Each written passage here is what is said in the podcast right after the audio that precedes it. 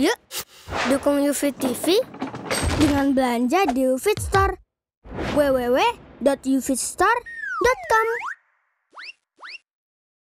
Bismillahirrahmanirrahim. Assalamualaikum warahmatullahi wabarakatuh. Alhamdulillah Rabbil Alamin wa bihi nasta'inu ala. Muhammadin wa ala alihi wa sahbihi ajma'in. Amma ba'd.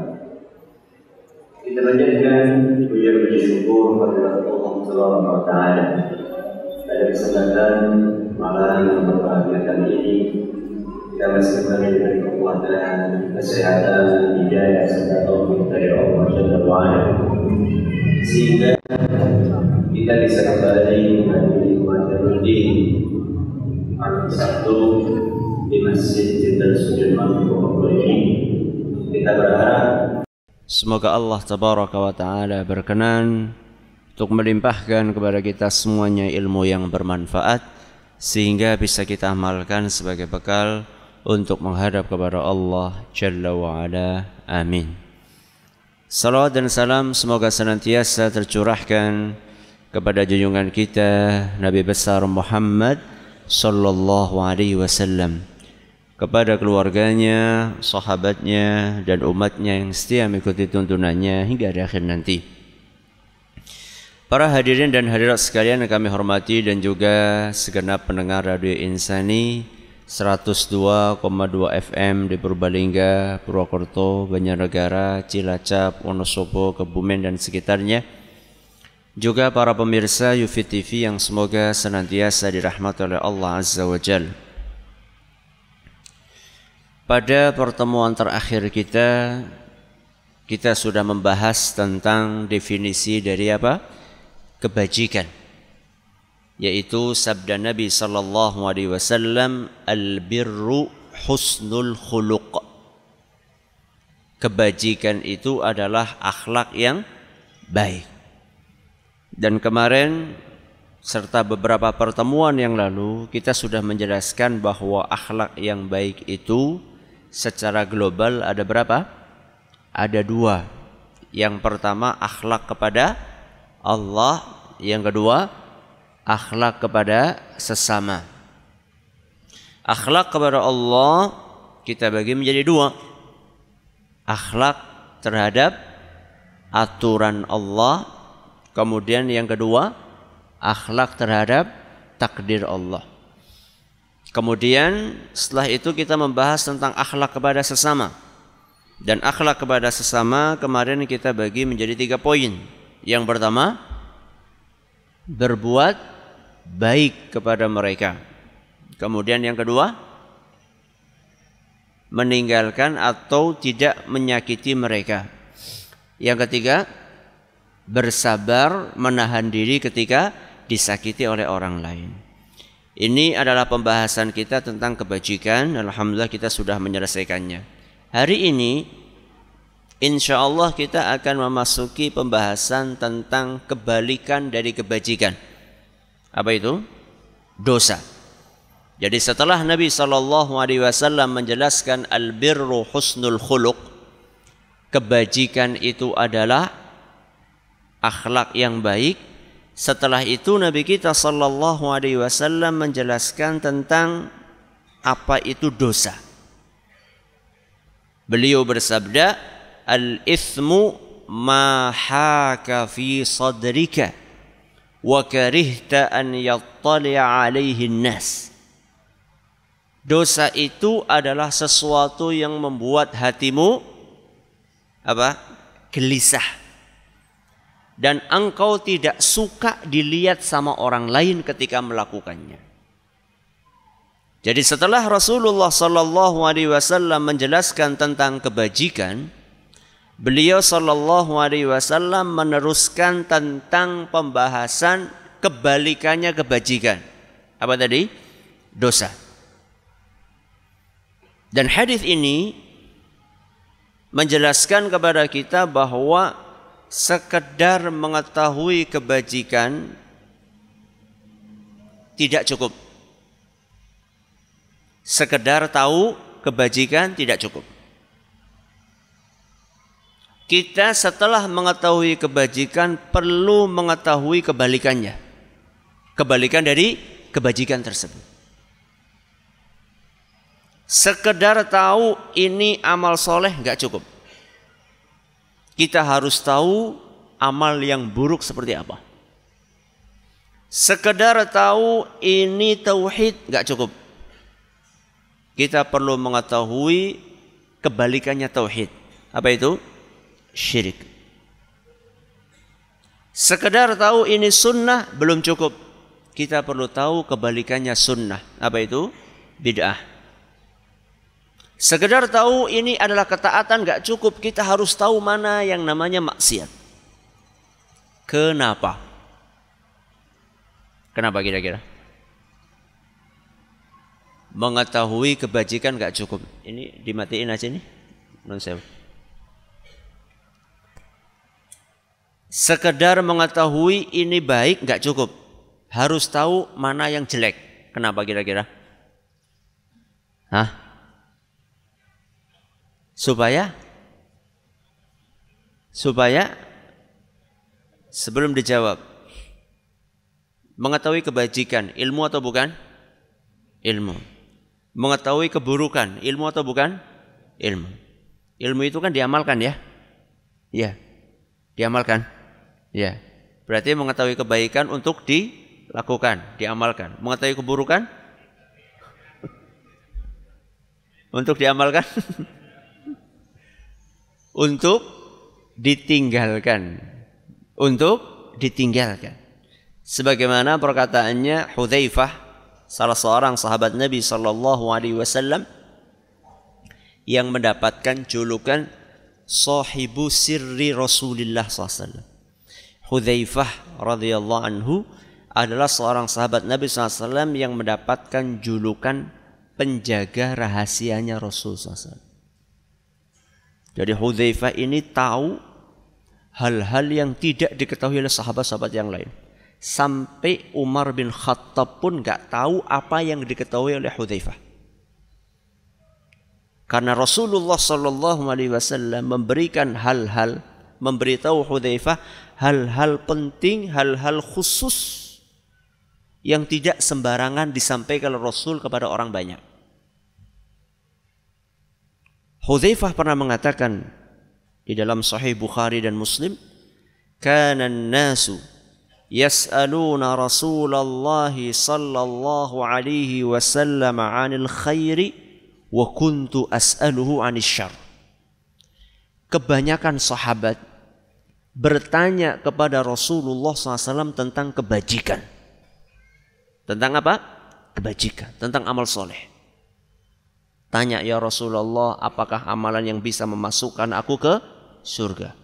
Wahai Rasul, amalan apakah yang paling utama? Rata-rata para sahabat bertanya kepada Nabi tentang amal kebajikan. Kalau aku kata beliau, wa kuntu as'aluhu anisyar. Kalau aku sering bertanya kepada Nabi SAW tentang keburukan. Tentang perbuatan-perbuatan dosa. Tentang hal-hal perilaku yang jelek. Tentang kejadian-kejadian buruk yang akan menimpa umat ini pada masa yang akan datang. Inilah yang aku tanyakan kepada siapa? Rasulullah SAW. Kenapa? Beliau menyebutkan alasannya. Makhafata an yudrikani. Karena aku khawatir kalau sampai tidak tahu keburukan-keburukan tersebut, aku khawatir terjerumus ke dalamnya. Berarti tujuan kita mengetahui keburukan untuk dihindari. Mungkin nggak seseorang terjumus kepada perbuatan dosa karena dia tidak tahu bahwa itu dosa? Mungkin? Mungkin. Orang pakai jimat tidak tahu kalau itu jimat? Mungkin? Mungkin. Dia pikir loh, tidak apa-apa lah, namanya juga ikhtiar. Namanya juga apa? Ikhtiar. Apa bedanya dengan pakai helm? Helm kan juga ikhtiar. Kita pakai jimat kan juga sama-sama untuk jaga-jaga. Orang terjerumus kepada perbuatan dosa, dia tidak tahu bahwa itu dosa. Makanya kita perlu mempelajari dosa itu apa. Supaya kita tidak terjerumus kepada dosa tersebut. Berarti nggak cukup Ustaz kita belajar amal soleh. Nggak cukup. Kita perlu mengetahui kemungkaran itu apa. Dosa itu apa, maksiat itu apa. Ustaz, berarti kalau gitu kita bisa dong Ustaz pergi ke lokalisasi Ustaz. Pergi ke mana? Lokalisasi. Kita mau mempelajari maksiat Ustaz. Subhanallah. Perlu kayak gitu? Perlu nggak? Ya nggak perlu Thomas, mas. Bukan itu maksudnya. Oh berarti kalau gitu kita juga perlu Ustaz pergi ke dukun Ustaz. Ya. Nggak perlu. Kalau kita pengen mengetahui keburukan, bukan pergi ke tempat perkeburukan tersebut, bukan. Tapi praktekkan seperti apa yang dipraktekkan oleh sahabat Nabi. Siapa tadi? Hudzaifah. Apa yang dilakukan oleh Hudzaifah? Tanya. Tanya kepada ahli ilmu.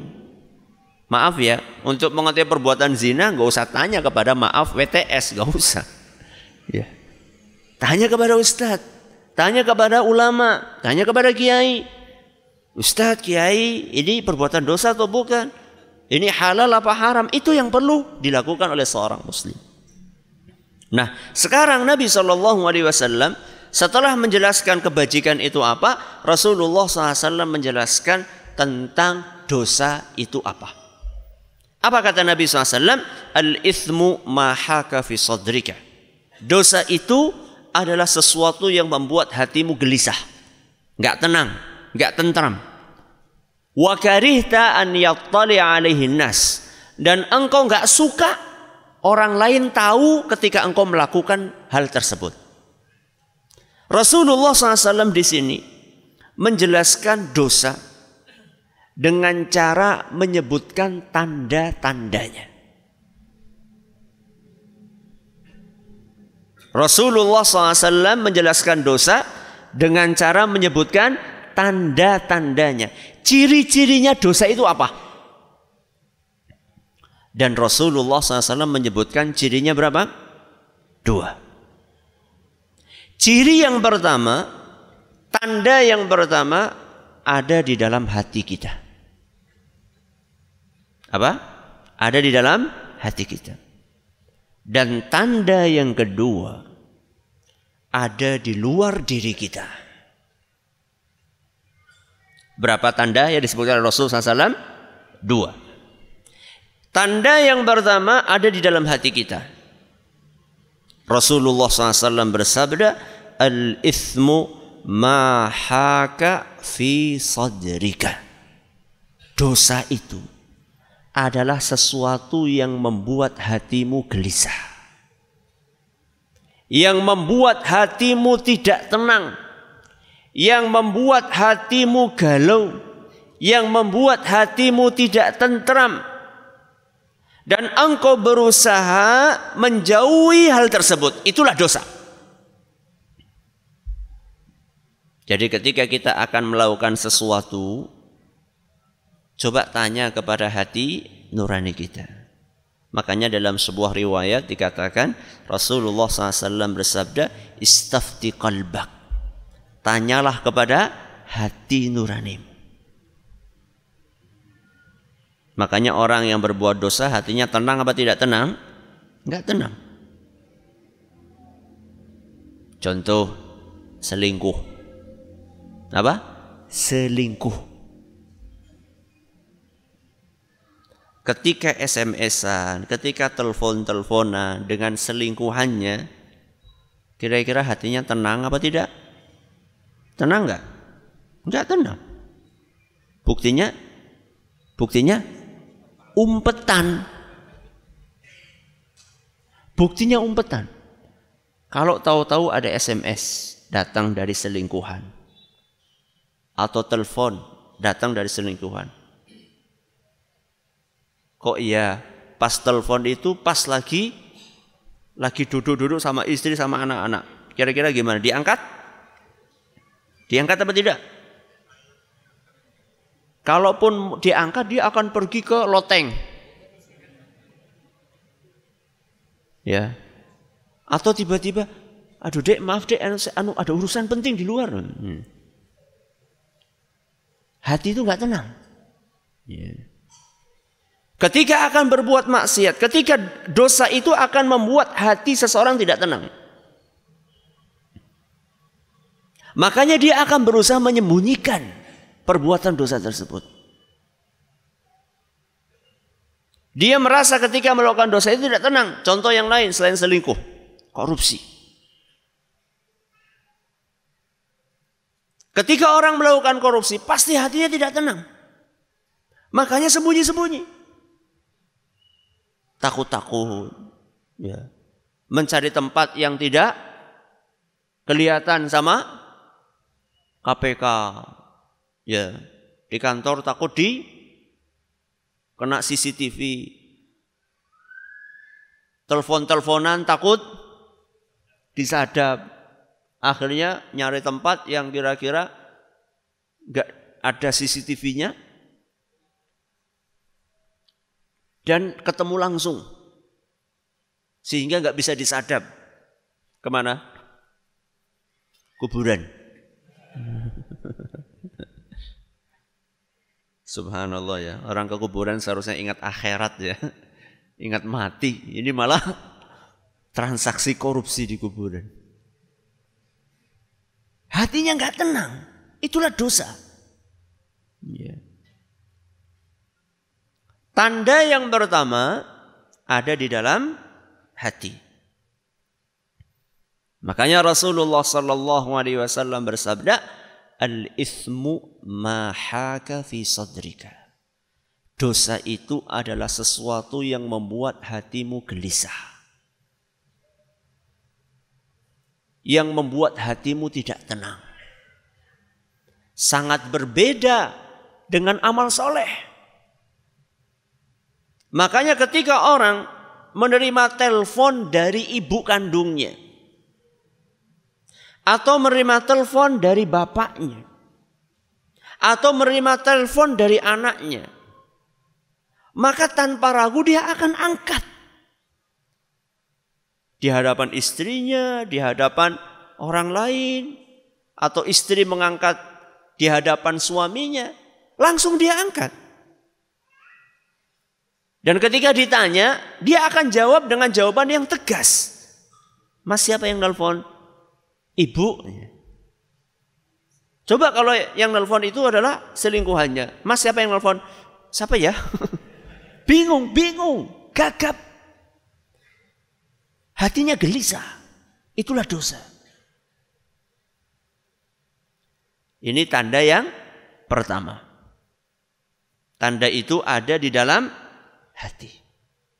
Tanda yang kedua, di luar. Di luar hati kita, di luar jiwa kita. Apa itu Ustadz? Penilaian orang. Apa? Penilaian orang. Rasulullah SAW melanjutkan sabdanya, wakarihta an yattali'a alaihin nas. Dosa itu adalah sesuatu yang kalau kamu kerjakan lalu dilihat sama orang lain, kamu nggak suka. Itulah dosa. Ya.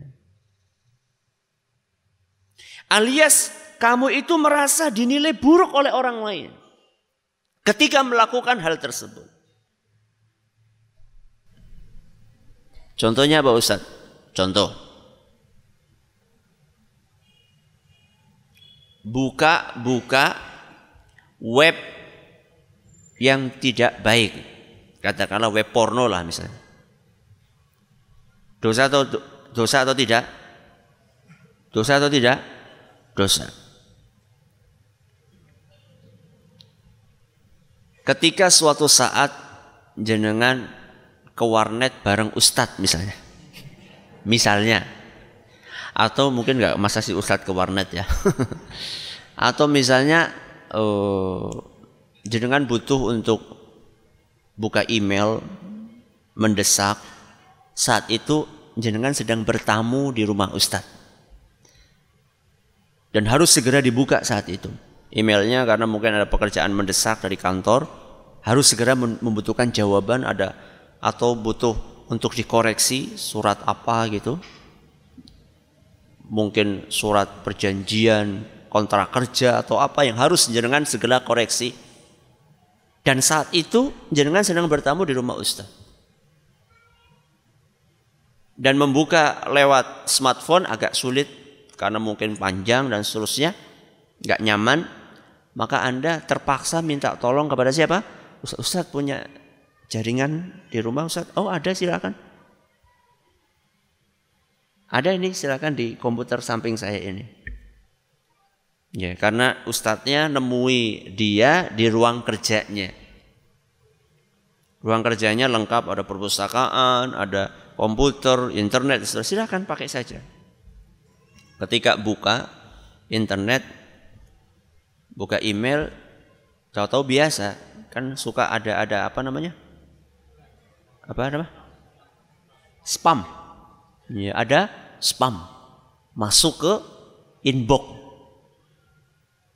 dan di situ sudah jelas di, dibilang ini spam ini isinya adalah anu ya video porno lah foto porno lah dan sebagainya kira-kira Ustadz ada di samping jenengan. Walaupun menghadap ke sana Ustadznya, jenengan menghadap ke sini. Kira-kira jenengan buka nggak spamnya itu? Buka nggak? Enggak Ustadz ya malu tuh Ustadz. Ya itulah dosa. Ketika kita melakukannya kita merasa malu kalau ketahuan sama orang lain. Itulah dosa. Ini tanda yang kedua. Kita ulangi. Tanda yang pertama ada di dalam hati. Tanda yang kedua ada di luar. Contoh yang lain. Pacaran. Pacaran. Berdua-duaan di taman kota. Remeng-remeng. Tahu-tahu ada Satpol PP. Jenengan merasa tenang, ya, suka ada Satpol PP atau enggak suka? Nggak suka. Apalagi sampai Satpol tanya, Mas, mana? Apa? buku, buku nikahnya. Ya. Jadi ciri yang kedua dosa itu, Anda merasa tidak nyaman ketika melakukannya dilihat sama orang lain. Sampai ketahuan sama orang lain Anda merasa tidak suka alias ciri yang kedua adalah penilaian dari orang. Kita ulangi, yang pertama apa? Hati merasa tidak tenang. Yang kedua, penilaian orang. Kita tidak suka ketika ketahuan melakukan itu sama orang lain. Dua tanda ini perlu diperjelas lagi. Kenapa Ustaz? Karena kalau tidak kita perjelas khawatirnya akan timbul salah faham. Apa tadi tanda yang pertama? Hati tidak tenang. Ada nggak orang berbuat dosa hatinya nyaman-nyaman saja? Nah, repot itu makanya. Ya. Ada manusia-manusia melakukan perbuatan dosa, hatinya merasa nyaman-nyaman saja, merasa tenang, dan tidak merasa terganggu dengan perbuatan dosa tersebut. Maka perlu diperjelas hati yang seperti apa yang dimaksud oleh Nabi SAW dalam hadis tadi. Ketika Nabi SAW mengatakan, Al-ithmu ma haka fi sadrika. Dosa itu adalah sesuatu yang membuat hatimu gelisah. Hati yang seperti apa? Makanya tadi saya katakan tanda ini perlu diperjelas. Maksud dari sabda Nabi SAW hati yang gelisah adalah hati yang bersih dan sehat. Apa? Hati yang bersih dan sehat. Indikator hati bersih sehat itu seperti apa Ustaz? Ya. Kalau fisik itu kan ya indikatornya oh tekanan darahnya apa? Normal. Ketika dicek laborat hasilnya positif apa negatif? Positif apa negatif? Positif. negatif. hasilnya negatif. Maksudnya oh liver nggak ada alhamdulillah jantung hasilnya negatif kanker negatif semuanya negatif itu kalau misalnya fisik yang sehat. Kalau hati yang sehat menilainya bagaimana Ustaz? Menilainya adalah hati yang tidak dikotori oleh perbuatan maksiat. Hati yang sehat adalah hati yang tidak dikotori dengan perbuatan maksiat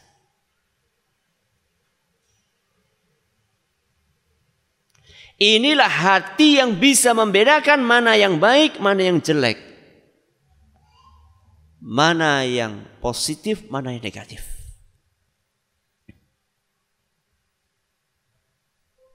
Kalau hatinya sakit, sulit membedakan.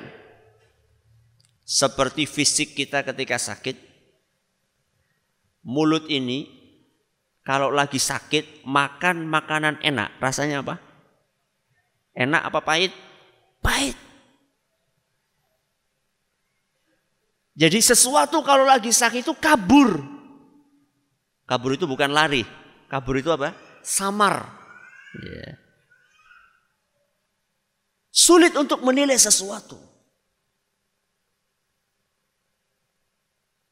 Gara-gara sesuatu yang bersih tadi, hati awalnya itu bersih. Awalnya putih, Kemudian sesuatu yang putih itu bisa berubah menjadi hitam. Karena tumpukan-tumpukan dosa. Makanya Rasulullah SAW bersabda, Innal abda Idza akhta'a khati'atan nukitat fi qalbihi nuktatan sauda. Seorang hamba ketika melakukan satu perbuatan dosa, maka di dalam hatinya akan ditorehkan satu bintik hitam. Dampak dari dosa di hati adalah akan ditorehkan satu bintik hitam. Fa in huwa naza'a wastaghfara suqilat. Seandainya setelah dia melakukan satu dosa itu dia segera beristighfar, dia tinggalkan perbuatan dosa tersebut, maka notah hitam tadi langsung dibersihkan kembali sehingga hati akan kembali menjadi putih bersih. Begitu melihat cewek cakep lewat, melotot kan, astagfirullah. Dia langsung ingat Allah subhanahu wa ta'ala. Ini gak boleh, ini haram ini. Maka bintik hitam itu akan dihapus sama Allah, hatinya bersih lagi. Tapi sebaliknya, wa in ada zida fiha. Kalau dia melakukan perbuatan dosa sekali, bukannya dia beristighfar, malah dia lanjutkan dengan dosa berikutnya. Lihat cewek cakep, uh cakep banget ya. Malah dideketi. Anu, mbak, anu minta pinnya dong. Hmm. Bintik hitam itu bukannya dihapus malah ditambahi. Ya. Gak cukup sampai di situ. Sudah dapat pinnya, pin BB-nya, ya. Terus mulai chatting, mulai SMS-an. Yuk, kopdar yuk. Nah. Di mana? Tambah lagi bintik. Fa'in ada zida fiha. Setelah dia melakukan perbuatan maksiat, kok dia nggak tobat, malah dia tambahi lagi, tambahi lagi, tambahi lagi. Maka noktah-noktah bintik-bintik hitam itu akan semakin banyak di dalam hatinya. Hatta ta'lu qalbah. Sampai bintik-bintik hitam tadi mendominasi hatinya. yang awalnya putih berubah menjadi hitam. Makanya saya pakai baju hitam sekarang. yang nggak ada kaitannya dengan itu. Kebetulan aja pakai baju hitam.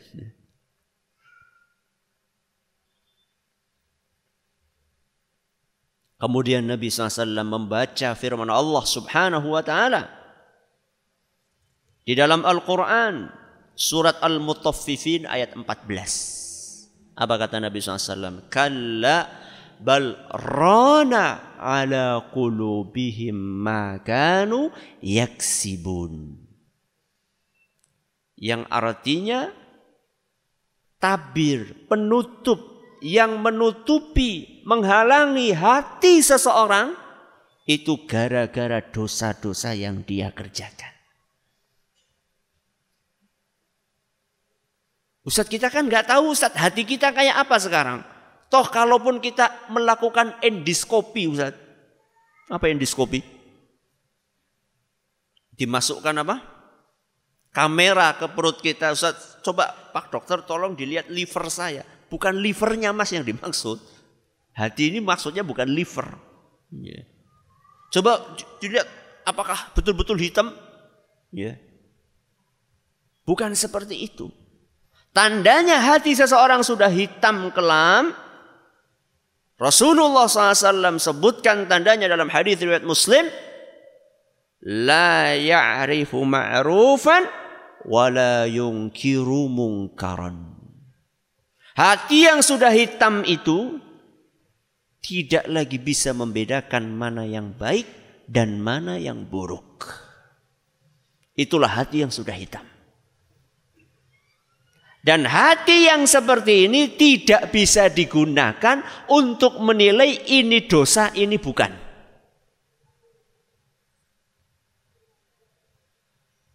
Karena sudah terlanjur hatinya tertutup tidak lagi bisa membedakan mana yang baik dan mana yang buruk. Sudah, ini penjelasan tentang penilaian hati. Berarti hati yang dimaksud di sini hati yang apa tadi? Yang sehat, yang bersih, yakni yang tidak dikotori oleh perbuatan dosa dan maksiat. Nek wis kadung kotor Ustaz, bisa dibersih. Bisa enggak? Bisa. Alhamdulillah.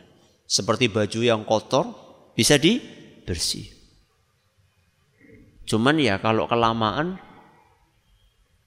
juga cukup waktu yang lama untuk membersihkannya. Saya punya pengajian judulnya Noda Membandel. Apa judulnya? Noda Membandel. Yaitu dosa-dosa yang dibiarkan terus. Coba sekarang saya tanya. Sulit mana melupakan cewek yang sudah pacaran 10 tahun sama cewek yang baru ketemu kemudian langsung kita tundukkan mata. Sulit mana ngilanginya? Ingatannya. Sulit mana? Sudah pacaran 10 tahun. Itulah akumulasi dari dosa. Berarti pacaran dosa. Ya iyalah. Dan bukan tema sekarang kita. Sekarang bukan temanya membahas tentang dalil haramnya pacaran. Ya. Muka-muka sing pada pacaran orang kapok ngesuk tekamani. Dah, ini penjelasan tentang hati. Ah, yang kedua. Apa tadi tanda yang kedua? Penilaian orang. Ini juga sama kasusnya kayak tadi orang yang seperti apa yang kita pakai penilaiannya.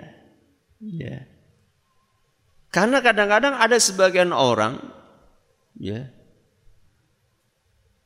menilai dosa itu sebagai sesuatu yang membanggakan. Ya. Maaf ya, kalau kita melihat berita-berita yang ada di internet itu banyak orang bangga dengan perbuatan maksiat berzina dengan sekian ratus wanita masuk Guinness Book. Itu kan luar biasa. Luar biasa apa nih? Luar biasa ngawurnya. Ya. Bayangkan orang berzina malah bangga. Itu kan aneh bin ajaib. Ya. Menggagalkan pengajian bangga. Pengajian yang ngajak kepada kitab dan sunnah digagalkan bangga. Foto-foto berhasil menggagalkan apa? Pengajian. Pengajian digagalkan kok bangga. Ya. Apalagi bangga mengkritik Al-Quran. Nah, ini loh sang pemberani mengkritik apa? Al-Quran. Bikin area bebas Tuhan. Astagfirullah. Bikin plang ya dalam sebuah acara ditulisi gede-gede area bebas Tuhan. Bangga. Oh bebas Tuhan berarti isinya siapa? Setan. Minal jinnati wan nas. Ya. Apakah penilaian orang-orang yang seperti ini yang akan kita pakai? No way. Bukan orang yang seperti ini yang akan kita pakai penilaian. Sudah? Masih sedikit lagi. Tapi penilaian yang akan kita pakai adalah penilaian orang-orang yang beriman. Apa? Orang-orang yang beriman. Makanya tadi kan saya kasih contoh bertamu di rumahnya us Ustaz. Kalau bertamu di tempatnya orang ahli maksiat, oh malah seneng. Ditawari malah, genyung dua VCD ge anyar harap nonton. Ya. Dia nggak malu, malah nonton bareng, nobar. Ya. Bukan penilaian orang-orang yang seperti yang kita maksudkan tapi penilaiannya orang-orang yang beriman. Dan nanti kita akan jelaskan dalilnya apa. Ya, dalilnya apa? Bahwa yang dimaksud penilaian di sini penilaiannya orang yang beriman. Apa dalilnya? Sebuah asar dari seorang sahabat Nabi Shallallahu Alaihi Wasallam yang bernama Ibnu Mas'ud radhiyallahu anhu. Dalam riwayat Ahmad dan isnadnya dinyatakan sahih oleh Imam Al-Hakim. Ibnu Mas'ud berkata, "Fama ra'al muslimuna hasanan fahuwa 'indallahi hasan." Sesuatu yang dianggap baik oleh kaum muslimin itu baik di sisi Allah. Wa ma ra'au sayyi'an fahuwa 'indallahi sayyi'. Dan sesuatu yang dianggap buruk oleh kaum muslimin maka berarti itu buruk di sisi Allah Subhanahu wa taala. Ini dalilnya. Jadi penilaian yang dipakai ini penilaian orang-orang yang beriman, yang berilmu. Ya. Bukan penilaian dari orang-orang yang tidak punya ilman dan tidak punya ilmu. Kalau orang-orang yang memang sudah terlanjur rusak, maka seperti yang tadi kita sampaikan, dia tidak bisa membedakan mana yang baik, mana yang buruk. Sehingga penilaian dia tidak akan kita pakai. Yeah. Ustadz, kalau kita sulit Ustadz, nyari orang yang berilmu. Suatu kampung Ustadz, ternyata mereka sama-sama tidak berilmu. Kita cari hati, juga hati kita hati yang kotor. Terus gimana ini Ustaz? Kita nyari ke mana? Apa yang disampaikan Rasulullah SAW tadi berupa dua indikator dosa, tandanya dosa. Yang pertama adalah membuat hati gelisah. Yang kedua, penilaian orang. Ya ini adalah sarana pendukung untuk menilai sesuatu dosa atau bukan. Tapi barometer utamanya untuk mengetahui ini dosa, ini bukan adalah dalil Al-Quran dan sunnah Nabi SAW. Itu barometer utamanya. Makanya Rasulullah Sallallahu Alaihi Wasallam dalam hadis riwayat Ibnu Majah dan hadis ini dinyatakan Hasan oleh Syekh Al-Albani, Rasulullah SAW mengatakan al halalu ma ahallallahu fi kitabih. Sesuatu yang halal itu adalah apa yang dihalalkan Allah di dalam Al-Quran. Wal haramu ma harramallahu fi kitabih. Dan sesuatu yang haram adalah apa yang diharamkan oleh Allah di dalam Al-Quran. Jadi kita tahu ini haram, ini dosa ya dari dalil Quran dan Sunnah. Makanya kita nggak bisa menilai sesuatu, oh ini haram. Menurut saya haram. Ya, nggak cukup. Tapi apa dalilnya haram? Dari Al-Quran, dari sunnah Nabi SAW. Karena ada sebagian orang yang mengharamkan sesuatu yang tidak diharamkan oleh Allah. Kenapa kok jenengan nggak makan daging? Ya iyalah, saya kan anu mutih. Apa mutih? Ya, ngaserp. ya, nggak makan kecuali yang putih-putih dan nggak minum kecuali yang putih-putih. Susu berarti. Yora, banyu bening maksudnya. ya. Gak boleh, sesuatu yang halal gak boleh, diharamkan. Ustaz saya ini gak boleh makan daging sama dokter. Oh itu lain masalah, itu bukan mengharamkan. Karena memiliki efek apa? Buruk buat Anda, kemudian Anda tinggalkan. Hukum aslinya itu makanan halal. Ya. Jadi nggak boleh kita mengharamkan sesuatu yang dihalalkan atau sebaliknya tidak boleh menghalalkan sesuatu yang diharamkan. Terus kalau berpolitik jadi boleh nipu? Ya nggak boleh. Nipu itu haram baik dalam politik maupun di luar politik. Udahlah jangan bawa-bawa nama agama dalam politik. Loh enggak. Agama kita ini mengatur seluruh lini kehidupan kita. Keliru anggapan sebagian orang yang mengatakan bahwa agama itu areanya cuma di dalam apa? Masjid. Enggak benar itu. Sehingga ketika mau bisnis, loh mas kok ini pakai kayak gini-ginian? Ini kan nggak boleh Quran gini hadis eh bisnis nggak nggak Quran hadis. Dia dulu masjid kini pasar. Umar ibn Khattab sampai mengeluarkan aturan. Apa aturannya? Gak boleh jualan di pasar orang yang gak ngaji halal haram. Kalau seperti itu kira-kira pasar Banyumas rame apa sepi? Eh pasar mana? Pasar Wage. Rame apa sepi kalau digituin? Kenapa? Karena memang supaya tahu ini boleh, ini nggak boleh, ini halal, ini haram. Pemahaman yang mengajarkan politik nggak boleh diatur agama, bisnis nggak boleh diatur agama, itu pemahaman namanya sekularisme. Ya, apa namanya? Sekularisme. Orangnya apa? Orang sekuler. Ya. Yang berusaha untuk memisah-misahkan. Oh ini urusan agama, urusan ibadah. Ya, ritual ibadah, sholat diatur. Nanti giliran politik nggak mau diatur. Nggak benar.